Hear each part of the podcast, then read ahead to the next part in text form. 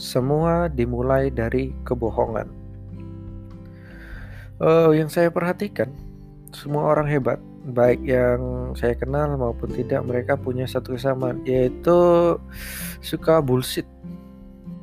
Awalnya mereka orang biasa aja nih, mereka belum sukses ya, belum kaya, belum lain sebagainya.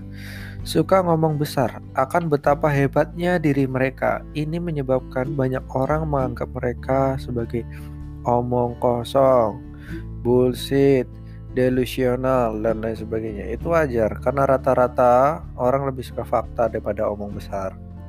Namun anehnya, tidak berapa lama para tukang bullshit ini malah benar-benar menjadi apa yang selama ini mereka besar-besarkan. Walaupun awalnya tampak bullshit dan delusional. Sedangkan yang selalu sepertinya benar karena berbicara fakta malah masih tetap begitu-begitu saja seperti lari di tempat dan sesuai fakta. Orang yang suka omong besar, bullshit, delusional, le dan lebih besar dari fakta adalah orang yang punya keyakinan kuat bahwa dirinya memang hebat.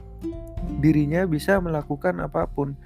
Itulah kelebihan yang tidak dimiliki oleh mereka yang hanya hidup berdasarkan fakta. Untuk jadi hebat, bukanlah take action dulu baru jadi hebat, tapi jadi hebat dulu baru take action. Semuanya terbalik. Dengan kata lain berpikir dan menjadi besar dulu. Walau akan tampak seperti bullshit dari masyarakat-masyarakat sekitar ataupun teman-teman kamu, sahabat kamu, pacar kamu ataupun orang tua kamu, baru take ya apa pun responnya. Baru take action sesuai pikiran besar itu kamu. Action yang bersumber dari pikiran kecil sesuai fakta kecil tidak akan berjalan jauh.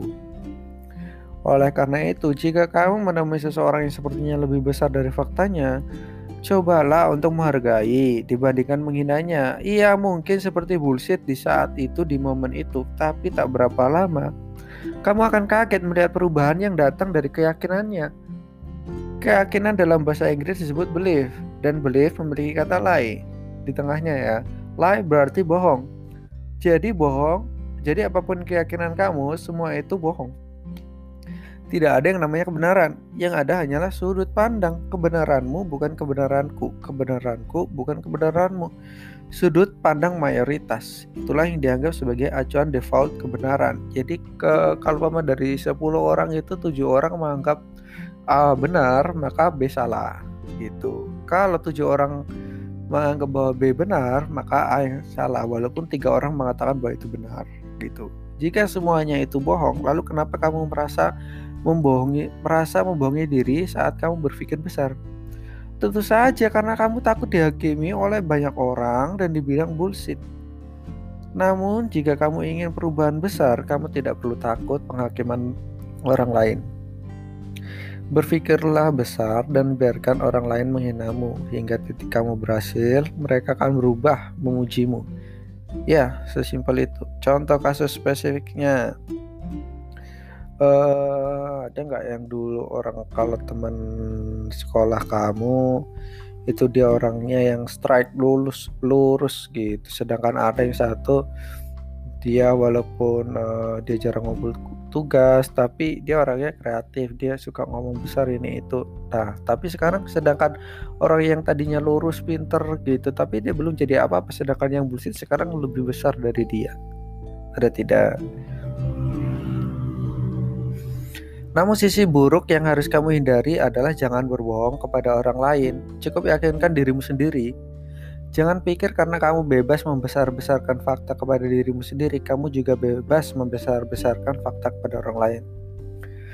Saat orang lain bertanya kepadamu, jadilah orang paling jujur dalam menjawab. Namun, jika orang bertanya tentang apa rencanamu, di situlah kamu dapat mengemukakan keyakinan besarmu tanpa memaksakan untuk dipercaya. Suka atau tidak, inilah saya yang memiliki visi besar, suka atau tidak, inilah saya yang berani mencala, berjalan melewati fakta kecil yang ditanamkan banyak orang.